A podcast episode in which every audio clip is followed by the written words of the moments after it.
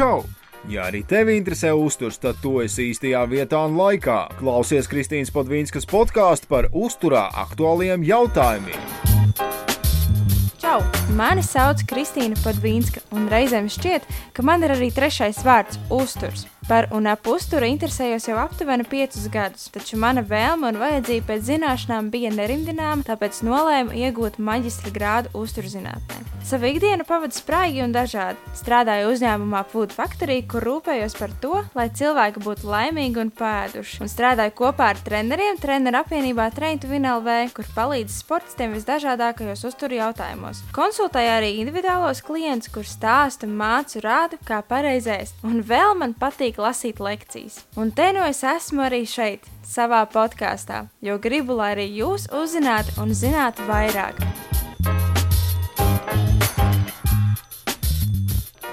Sveiki, mani mīļie podkāstu klausītāji!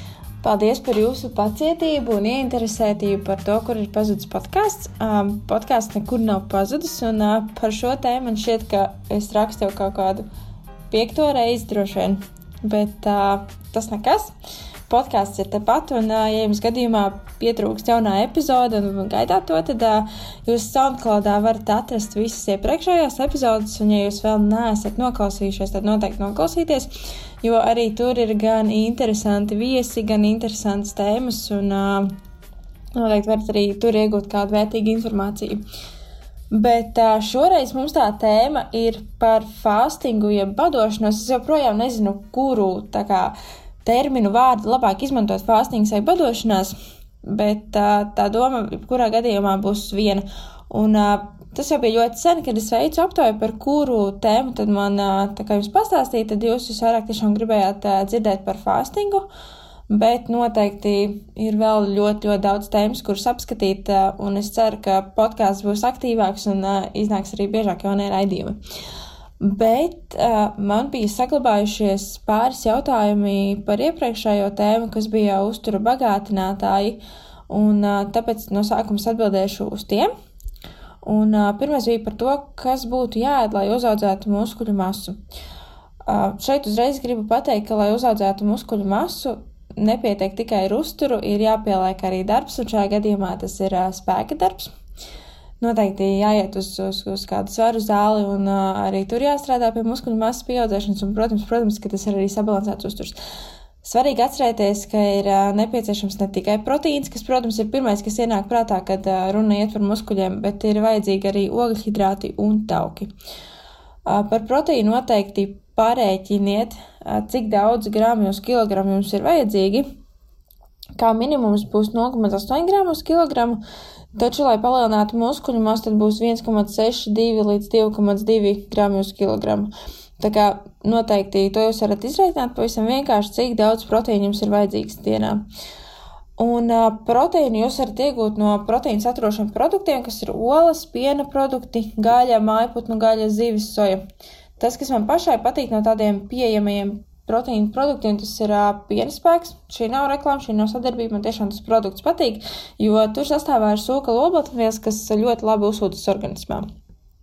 Un, uh, tā kā šo jautājumu man uzdeva puisis, kuram vēl nav 18 gadu, tad uh, jauniešiem es noteikti, noteikti neiesaku uzreiz ķerties pie dažādiem pulveriem, uztura bagātinātājiem, bet uh, tiešām paskatīties, ko jūs tā kā ikdienā ēdat un kas ir tie produkti, vai tur ir pietiekoši daudz proteīns.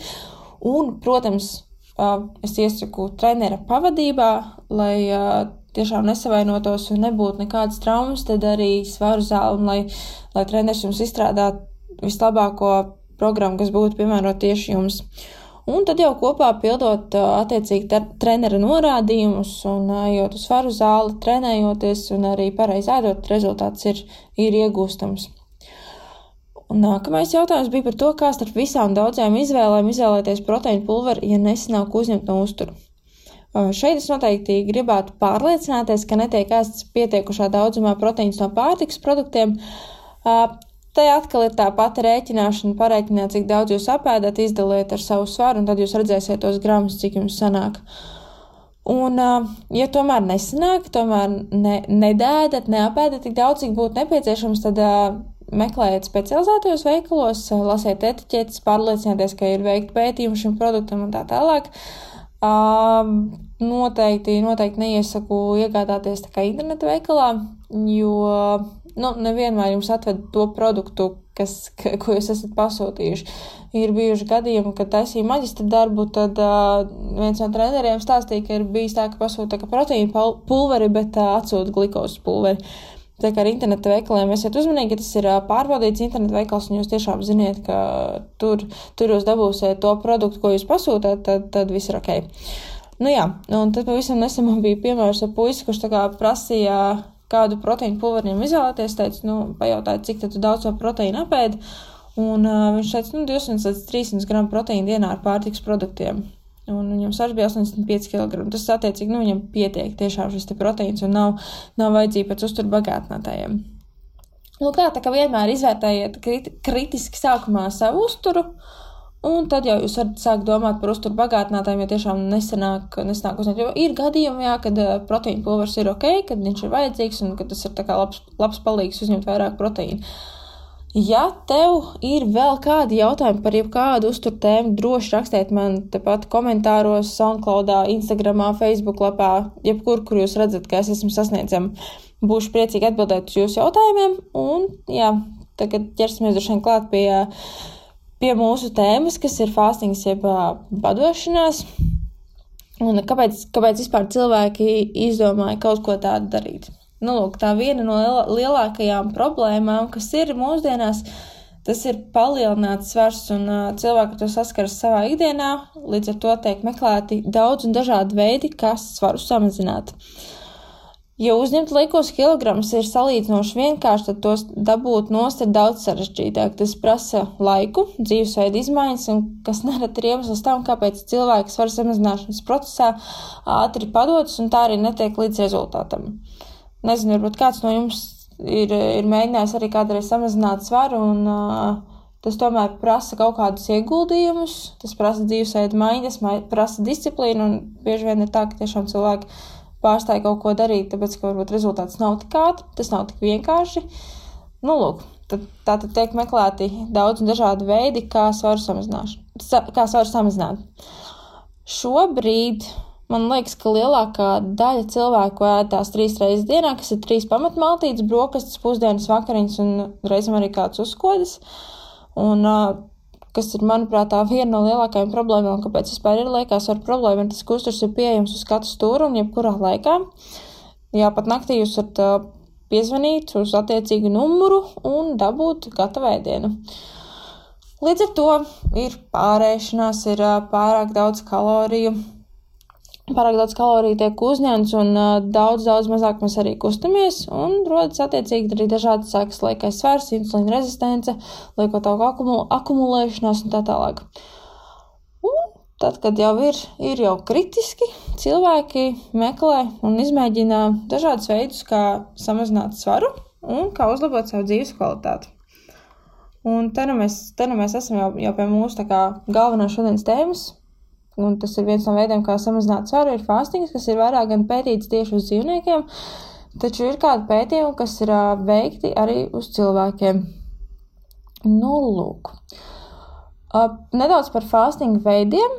Ir, tie var būt ļoti, ļoti dažādi, bet tā pamatdoma tiem ir viena - neierobežot kaloriju daudzumu, taču ierobežot ēšanas, neēšanas laikus. Uh, Un ir dažādi režīmi, kā fāstot. Ir viens tā saucamais 24 stundu fāstings, jeb eat stop eat, kas ir attiekšanās no ēdienu uz pilnu diennakti. Parasti šādu režīmu ievēro divas dienas nedēļā, nu, ne pēc kārtas, vai vienreiz mēnesī. Piemēram, nēd laikā no iepriekšējās dienas vakariņām līdz nākamajām vakariņām. Tur katrs izvēlās, kāds viņam tas režīms būtu ērtākais. Tālāk ir alternatīvais fāstings, kad šāds režīms tiek ievērots pēc paša izvēles, dienas var būt mainīgas. Laika ierobežojumi fasting, kad tiek ievērots noteikti stundas diennaktī, kurās tiek uzņemts uzturs un kurās nē. Tāds diezgan populārs ir 16,8 režīms, kad, kad nu, es viņu sauktu par slimnīcas režīmu, jo parasti slimnīcā, slimnīcās parasti ir agri ir brokastis, un jau kaut kādiem 4-5 ir vakariņas.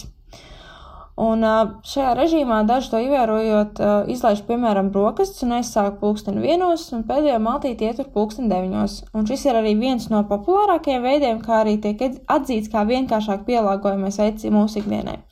Tālāk ir 12, 12 režīms, 24 režīms un 5, 2 režīms, kad 5 dienas ēd un 2 nēd vai uzņem ļoti mazu kaloriju daudzumu, piemēram, 500 kalorijas dienā vīriešiem, 600 kalorijas dienā sievietēm. Un tad jau ir jau gavēņi, kas īsti, gavēnis, kas īsti varbūt nebūs tā kā fāstings, bet nu, gavēnis, kas pirms lieldienām, un arī ramadāns, kad ēd tikai dienas tumšajā laikā, pirms saulaita un pēc saulrieta. Šie jau ir tādi nedaudz citādāki gavēņa fāstinga veidi. Um, Fāstingam ir uh, dažādas labvēlīgās ietekmes, kas ir izpētītas, un uh, viena no tām ir uh, ietekme uz insulīna sensitivitāti. Viena no lielākajām problēmām, kas ir mūsdienās, ir bieži rafinēto ogļhidrātu lietošana uzturā. Tad rafinētie ogļhidrāti ir dažādi miltu izstrādājumi, sāli un gāzētie dzērieni un citi. Šo produktu lietošana uzturā veicina strauju cukuru līmeņu paaugstināšanos asinīs. Aizkuņa dziedzes izdala insulīnu, bez kuras šūnas nevarētu izmantot glikozi, Organismā tiek normalizēts cukuru līmenis, glikoze nonāk šūnās, kur šūnas to izmanto enerģijas nodrošināšanai. Taču pienāk brīdis, kad šūnas nespēja pilnvērtīgi izmantot insulīnu un cukuru līmenis asinīs paaugstinās. Ja tā notiek, tad to sauc par insulīna rezistenci, jeb audu nejūtīgumu pret insulīnu. Tiek traucēti dažādi metabolismu procesi, un tas jau ir pirmais zaniņš par otrā tipa cukuru diabētu risku.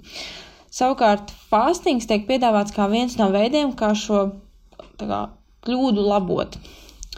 Nākamais labvēlīgais, labvēlīgais iegums būtu pātrināt tauku, dedzinā, pātrināts daugu, tauku dedzināšanas process, un organisms enerģija vairāk sāk izmantot taukus un samazinot maltīšu biežumu, tiek ierosināti procesi, kuri veicina tauku rezervju labāku izmantošanu. Kas atkal samazinot svaru, ir ļoti labi, jo parasti liekais svars ir tieši liekais tauku daudzums. Ir uh, daudz dažādu pētījumu žurkām, kur iegūt labvēlīgi rezultāti, ka tiek samazināts dažādu slimību risks. Un, protams, vēl ir daudz dažādi sarežģītāki procesi, kas kā, ir labvēlīgi fāstinga ietekmē, piemēram, tiek veicināts šūnu autofāgijas process un, tā tālāk un daudz, daudz, daudz, daudz dažādu citu. Ja mēs runājam par lieko svaru un pacientiem, nu jā, pacientiem ar lieko svaru uh, tā kā svaru, svaru uzturēšanu, tad fāstings ir kā viens no potenciālajiem ēšanas režīmiem cīņā pret lieko svaru. Un bija kādi pētījumi, kur tika piekopts kā alternatīvais fāstings, un uh, tur attiecīgi tie iegumi bija tādi, ka svars tika samazināts par 3 līdz 7 procentiem, ķermeņa taukīs, tauku daudzums samazinājās par 3,3 līdz 5 kg. Izpētot asins analīzes, samazinājās seruma holesterola līmenis, un tas, par ko joprojām ir kā, jautājums, kas tieši nodrošina šo visu rādītāju uzlabošanos. Vai tā ir tieši kopējā kaloriju samazināšana uzturā, vai tieši šis te fāstings, šis režīms. Un uh, parasti svara samazināšanas diēta mērķis ir pēc iespējas vairāk samazināt tauku masu un pēc iespējas vairāk samazināt beztauku masas zudumu, jeb fat free mass. Uh, Fāstingā izstāvja apgalvo, ka ievērojot fāstingu, beztauku masa tiek saglabāta, kas ir mums attiecīgi muskuļu masa. Salīdzinot kaloriju ierobežošanu un fāstingu, gan taukaudu, gan beztauku masas zudums ir bijis līdzvērtīgs un vairāk atkarīgs arī no tā, cik daudz proteīna tiek uzņemts uzturā. Nu, piemēram, Uh, izturības sportistiem ir ļoti, ļoti svarīgi, lai būtu vairāk šī muskuļu masa, un uh, mazāk tauku, nu, principā mazāk šis te tauku procents. Un skatoties uh, izturības sportus, tie, kuri ievēro tik 8 stundu ēšanas loku, tika samazināta tauku masa, taču saglabāta bez tauku masa, kas ir attiecīgi ļoti labi. Un uh, cilvēki ar lieko svaru, kuri kā ievēroja fastingu, uzlabojās lipīdu profils, samazinājās kopējais holesterols, zema blīvuma holesterols, uh, paaugstinās augsta blīvuma holesterols. Tātad zem blīvuma bija kā sliktais holesterīns un augsta blīvuma labais. Bet uh, pie visiem šiem pētījumiem tur visu laiku tiek pieminēts, ka noteikti ir nepieciešama vairāk pētījumi. Un šis rezultāts uzskatāms par pozitīvu, ja svaru zudumu izdodas saglabāt ilgstoši. Tas ir ilgtermiņā, taču ar fastingu visilgāk veiktie pētījumi bija seši mēneši. Tā kā, kā jau parasti visos pētījumos tiek, tiek piekodināts, ka noteikti, noteikti ir jātais vēl pētījumi. Runājot par otrā tipa cukurdibētu un fastingu, šobrīd ir maz datu par to, kā fastings ietekmē aptaukojušos pacientus ar otrā tipa cukurdibētu. Bet uh, pacientiem, kuriem tā kā nebija cukurdibēts, taču bija aptaukošanos, ievērojot fastingu divas reizes nedēļā, insulīna rezistence samazinājās par 25%. Atcerieties, jums sākumā jau pastāstīju, kas ir insulīna rezistence. Taču šo tēmu būtu vēl jāpēta, jo, nu jā, jo tas uh, nav īsti izpētīts, kā ietekmē insulīna jutīgumu cilvēkiem ar palielinātu normālu svaru. Uh, ja skatāmies tas, kas bija pētījumi par tiem, kuriem ir diabetes, tad tiem bija labāka glikēmijas kontrola, veiksmīgāka svara samazināšana. Un tāpat tās otrā tipa cukurdiabēta pacientiem, pacientiem ar tendenci uz otrā tipa cukurdiabēta tukšās duš, dušas glikos tika samazināta, bet veseliem pacientiem bez izmaiņām. Bet atkal šajos pētījumos visiem, visiem būtu atkal jātaisa atkārtot pētījumi un tā tālāk. Par kardiovaskulārajām saslimšanām, jau sirds un asinsvadu slimībām un fastingu, un tad šeit atkal bija tāda data, ka alternatīvā fastinga ievērošana vismaz divus mēnešus veicināja sirds ritma palēnināšanos miera stāvoklī, kā arī glikozes līmeņa asnīs insulīna un homocistīna rādītāju uzlabošanos. Tie ir rādītāji, kuri var veicināt sirds un asinsvadu slimību attīstību. Tāpat arī ir pētījumi, kuros alternatīvais fastinga ievērošana ir samazinājusi taukumus, kopējo holesterolu, zema blīvuma holesterolu, triglicerīdu koncentrāciju asinīs, tāpat arī asinsspiediena pazemināšanos. Nu jā, tā kā šie ir tādi pāris, pāris labvēlīgie, labvēlīgie efekti, kas varētu aizsargāt mūs no sirds un asinsvadu slimībām. Un uh, ilgstošs fastings aizsargā šūnas bija pētījums, kas it kā aizsargāja čūnas no išēmijas, un uh, iespējamais mehānisms, kas, kas varētu būt, kāds varētu notikt, ka palielinās adiponektīns, jeb hormons, kurš samazina uh, asinsspiedienu un samazina arī insulīna rezistenci. Un uh, it kā tiek uzskatīts, ka fāstings varētu būt viena no nefar, nefarmakoloģiskajām metodēm, kas varētu aizsargāt, aizsargāt pret kardiovaskulārām slimībām.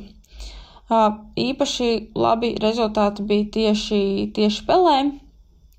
Veicot šo te fastinga, fastinga pētīšanu uz pelēm, tika ievērots alternatīvais fastings 8 nedēļas, tur samazinājās lipīdi, visi sliktie lipīdi, kas ir holesterols, zema blīvuma holesterols, triglicerīdi un tā tālāk. Runājot par fastingu un vēzi, nav īsti nekādu datu, Taču, ja skatās kopumā, tad palielināts svars ir viens no vēža riska faktoriem, un, ja fastings samazina svaru, tad teorētiski varētu teikt, ka piedalās arī vēža profilaksē. Tur, protams, bija daudz un dažādi pētījumi par to, kā fastings varētu ietekmēt ķīmijterapijas pacientus un tā tālāk, bet šoreiz, šoreiz par to nerunāsim. Fastinga ietekme uz oksidatīvā stresa un iekaisuma samazināšanu. Bija pētījumi, kur fastingam ir pozitīva ietekme uz imūnu sistēmu pieaugušajām, iespējama efektivitāte attiecībā uz imūnšanu reģenerāciju. Un Pārdošanās laikā organisms kā, cenšas saglabāt enerģiju, un viens no veidiem, kā to izdarīt, ir izmest ārā tās imūnās šūnas, kuras nav nepieciešamas, īpaši tās, kuras jau ir bojātas. Tika samazināts arī insulīnam līdzīgais augšanas faktors, kas tiek saistīts ar novecošanos, vēža risku un augšanu. Un, principā, iekaisums ir kā iemesls vairākām chroniskām slimībām, Alzheimeram, demencei, aptaukošanās, diabētam un citām. Un tātad vairāk iemesli, kāpēc fastings iespējams samazina šādu slimību risku, ir, kā jau teicu, ka fastings aktivizē šūnu autofāgiju, palīdzot organismam iznīcināt vecas vai bojātas šūnas un tādā veidā samazinot iekaisumu. Un tur bija vēl dažādi, tā kā, dažādi iemesli, kādā veidā tas tiek arī uzlabots. Un tāpat tās, ka, piemēram, tas fāstings ierosina arī antioksidantu darbību un tā tālāk.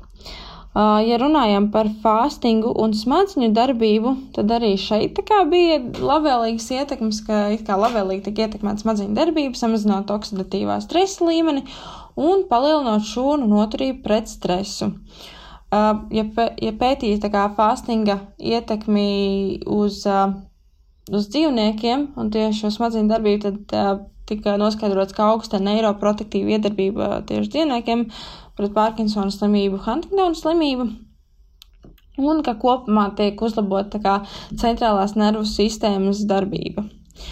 Uh, Ja kādam ir vēl sīkāki jautājumi tieši par šo tēmu, tad man ir saglabāti arī visi pētījumi. Noteikti varat pajautāt, un uh, daudz, daudz, kas ir skatīts tieši uz dzīvniekiem, mazāk uz cilvēkiem.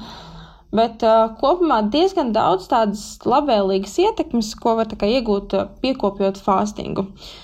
Bet uh, ir arī dažādi tomēr negatīvi efekti, ko nedrīkst ignorēt un uh, par kuriem ir arī jāzina. Uh, piekopjot fastingu, pirmais, kas būs, tā noteikti būs bada sajūta. Man liekas, ka mūsdienās liela daļa cilvēku šo sajūtu jau ir aizmirsu, aizmirsuši tieši šī iemesla dēļ, ka pārtika ir pieejama uz katru stūri. Un šī būs pirmā blakus parādība, kura parādīsies. Bada sajūta tiek regulēta dažā, dažādi caur sensorajām, kognitīvajām un neiroendokrīnajām izmaiņām. Tā kā, ja jūs sāksiet uh, piekopt fastingu, tad nu, nebrīnaties, ka tiešām jūs būs bada sajūta un šo sajūtu varbūt esat pat aizmirsuši. Tālāk par uh, dažādiem gremošanas hormoniem. Uh, grelīns un neiropeptīds Y, kā arī oroksīns stimulē apetītu un veicina tauku nogusnēšanos. Grelīns sintēzējas kuņģī un spēlē būtisku lomu diennakts ritmā ēdienu uzņemšanā un aktivizēšanā. Fastojot, grelīns paaugstinās, rodas bada sajūta un uh, parādās cilvēkam, kas šim vairāk būs tieši dzīvniekiem, bet parādās ēdiena meklēšanas uzvedība. Savukārt insulīns un leptīns ir tie hormoni, kuri samazina bada sajūtu. Iespējamais blakus efekts, kas var būt šajā gadījumā, fastojot, ir abu hormonu līdzsvaru zudums, kas var veicināt dažādu ar ēšanu saistītu saslimšanu attīstību, piemēram, pārēšanos un, un, un, un daudz dažādas citas. Tā kā, ja ir jau kaut kur uh, anamnēzē kāda rēš, kāds ar ēšanu saistīts traucējums, tad uh, fāstings noteikti nebūs jums, jo var tieši rasties šis hormonu disbalans.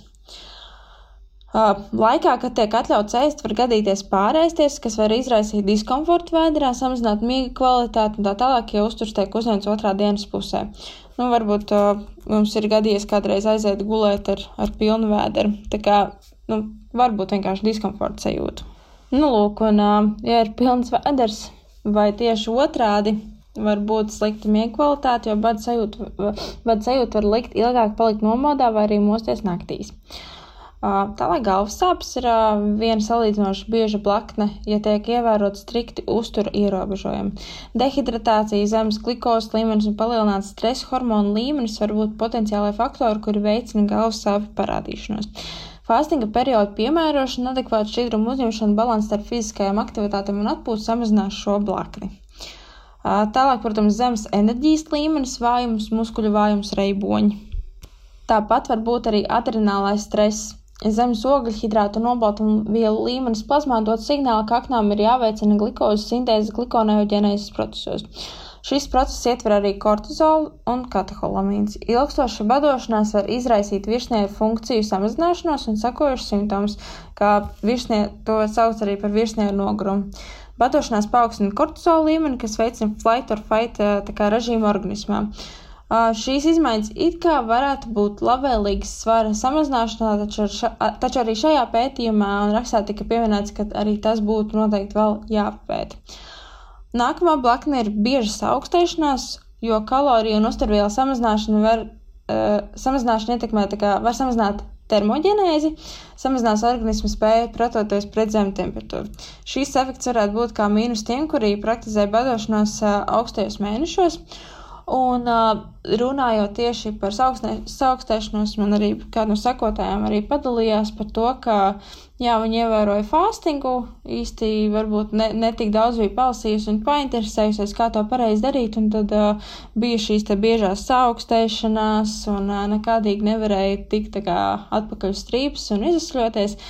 Tā kā, nu jā, noteikti, noteikti piedomājiet, ko jūs, ko jūs ēdat un ko jūs uzņemat tajā laikā, kad uh, jūs fāstojat. Uh, Tāpat arī cik kvalitatīvs ir tas uzturs un vai uzņemat visus, nepie, visus nepieciešamos vitamīnus, minerālu vielas, uzturvielas un tā tālāk. Uh, tālāk dzimuma hormoni un fertilitāte. Sievietes organisms un hormoni ir salīdzinoši jutīgi pret dažādām izmaiņām, tāpat arī pret uzturu izmaiņām. Ja sievietes ievēro fastingu, iespējams, ka mainīsies menstruālais cikls, tā, kas varbūt tauku samazināšanas dēļ, jo, nu, kā zināms, taukos sintetējas estrogēns un tā tālāk. Uh, var parādīties arī vielmaiņas traucējumi. Uh, ja skatāmies pētījumus ar dzīvniekiem, tad fastings izraisīja pat neauglību, uh, maskulinizāciju un, un daudz dažādas citas procesus, bet uh, uz cilvēkiem pētījumi par šo tēmu tieši nav veikti. Tālākā blakne, kas var būt, tas ir vājums un sajūta, ka smadzenes nestrādā tā kā vajag, taču arī šīs sajūtas ir pārējošas. Organisms ir uh, spējīgs ar laiku adaptēties jaunajam ēšanas režīmam. Ir arī dažādi drošības pasākumi, kas būtu jāievēro. Tad uh, pirms kaut ko vispār sākt darīt, vienmēr labāk konsultēties ar speciālistu, kurš pateiks, vai jums šis režīms būtu piemērots vai ir ok. Noteikti kontrolējiet arī asins analīzes. Sievietēm noteikti iesaku sekot līdz ciklam, vai cikls ir regulārs, vai nav nekādas izmaiņas. Noteikti fastingu nevajadzētu mēģināt grūtniecēm, plānojot grūtniecību, kā arī laktācijas periodā. Tāpat arī veciem cilvēkiem šo te uh, ēšanas re režīmu nevajadzētu piekāpt, piekopt. Tāpat arī pacientiem ar dažādām gastrointestinālām slimībām es noteikti neieteiktu. Gastrointestinālās slimības ir uh, gremošanas orgānu slimības.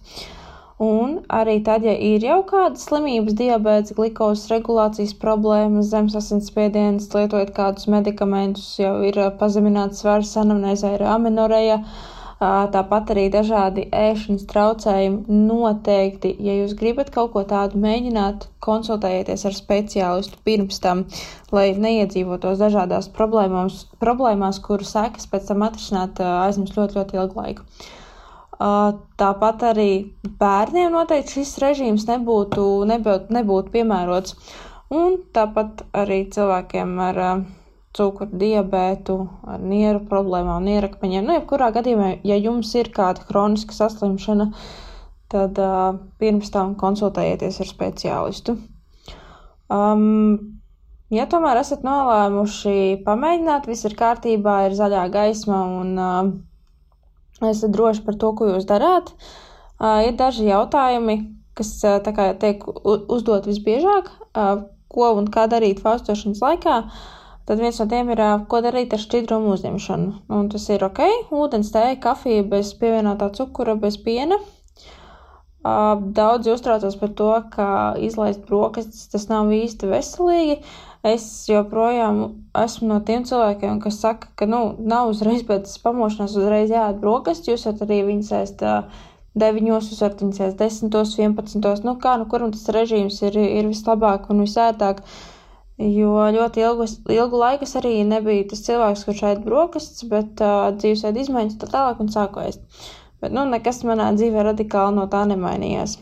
Uh, par sportošanu noteikti arī varat sportot, bet uh, nu, skatieties, lai tas treniņš nav, nav ļoti grūts, lai nav, nav augstos pulsos un nav baigās lodzi. Uzturbagātinātājus arī šajā laikā varam lietot, skatāmies ar tauko šķīstošajiem, it kā varot uh, izjau, izjaukt uh, fastinga ritmu, bet uh, tur, tur līdz galam īsti nav tāds vienots viedoklis. Uh, daudz uztraucas par to, ka varētu zust muskuļu masa, un, kā jau minēju, tad vairākos pētījumos ir noteikts, ka fastinga laikā tiek zaudēta mazāk muskuļu masa nekā, piemēram, diētās, kur tiek samazināts kaloriju daudzums. Un, Nu jā, pie šī režīma, ko es teicu, kas ir viens no populārākajiem, 16,8, tad šajā, šajā faustošanas laikā muskuļu masa netika, netika zaudēta. Un ar ko tad, ar ko tad sākt?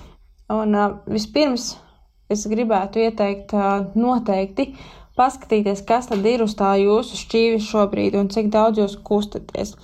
Varbūt, ka pamainot vienkārši savu uzturu, sabalansējot to un pārdomājot, Tāpat arī pieliekot klāt fiziskās aktivitātes un, un, un aktīvi kustoties, šo svaru var samazināt bez, bez visādiem režīmiem, bez uh, striktām diētām un tā tālāk. Tā kā noteikti izravidējiet savu šķīvi, izravidējiet savu ledus skapī, savus virtuves skapīšus, paskatieties, kas ir tur. Bet, ja tomēr esat iz, izlēmuši šo te mēģināt, un uh, ir cilvēki, kuriem 16, 8 režīms varētu būt ierastākais, piemēram, vakariņas, smiegs, pirmā ēdienreize pusdienu laiku. Un, ja gribas pamēģināt, tad iespējams šī būtu visvienkāršākā metode. Ar laiku jau organisms sāk pierast, un tad jau var mēģināt garākus periodus. Bet uh, noteikti atcerieties, ka fāstings nav domāts un piemērots visiem. Um, it kā, kā jau sākumā stāstīju, ir daudz un uh, dažādas labas ietekmes, kas ir, ir, ir iegūstamas no fāstinga, un tomēr piesardzīgi ir daudz labu, un tomēr uh, rezultāti, protams, ir labi.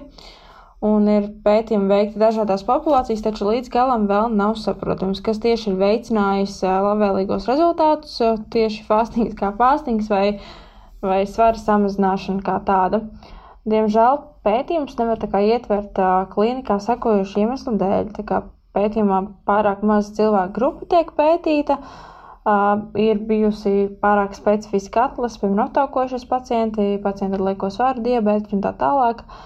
Bija pētījumi, kuros netika ietverta kontrolas grupa. Un uh, dažos pētījumos laika posms tomēr ir uh, pārāk īss, un uh, līdz ar to cilvēkiem fāstings nav tik labi izpētīts. Uh, Esošie pētījumi arī nenorāda, kurš būtu tas vislabākais režīms, noteikti nepieciešami garāki un ilgāki pētījumi, un pāragri vēl spri, spriest, vai fāstings būtu ieviešams kā standarta ārstēšanas un profilakses metode. Bet, jā, kā jau teicu, sākumā tiešām izravidējiet šķīvi, leduskapī, virtuves skapīšus, paskatieties savu dienas režīmu, varbūt tur ir tas caurumiņš, kurš, kurš ir jāizlāpa. Bet tāds īsais kopsavilkums vēl fāstings iespējams ir ļoti laba un efektīva metode, kā uzlabot metabolo stāvokli, kā arī dažādas bioķīmiskos rādītājus cilvēku organismā. Fāstings iespējams var palīdzēt dažādu slimību ārstēšanā. Ir daudz un dažādi uzlabojumi, kas ir atrodami, un ir, protams, atcerieties, ka ir vairāk veidi, un katrs var atrast sev tā kā piemērotāko, bet joprojām nav skaidrs, kurš režīms būtu vislabākais to ievērojot ilgtermiņā. Nu, lūk, tas īsumā par pārstingu būtu viss. Ja tev ir vēl kādi jautājumi, droši raksti tepat apakšā komentāros. Neaizmirsti, ka var arī noklausīties arī iepriekšējos podkāstus par dažādām tēmām. Tāpat seko man Instagram, Facebook. Tur es arī pa laikam ielieku kādu informāciju par uzturu Un uh, gaidīšu arī ierosinājumus arī nākamajām tēmām, par ko jums pastāstīt. Ir jau kāds sagatavots, es ceru, ka podkāsts iznāks biežāk un vairāk, lai jums būtu daudz vairāk jaunas un interesantas informācijas. Lielas, liels jums paldies par to, ka jūs esat, par to, ka jūs klausāties un ka jūs jautājat. Un tiekamies atkal nākamajos raidījumos. Atā!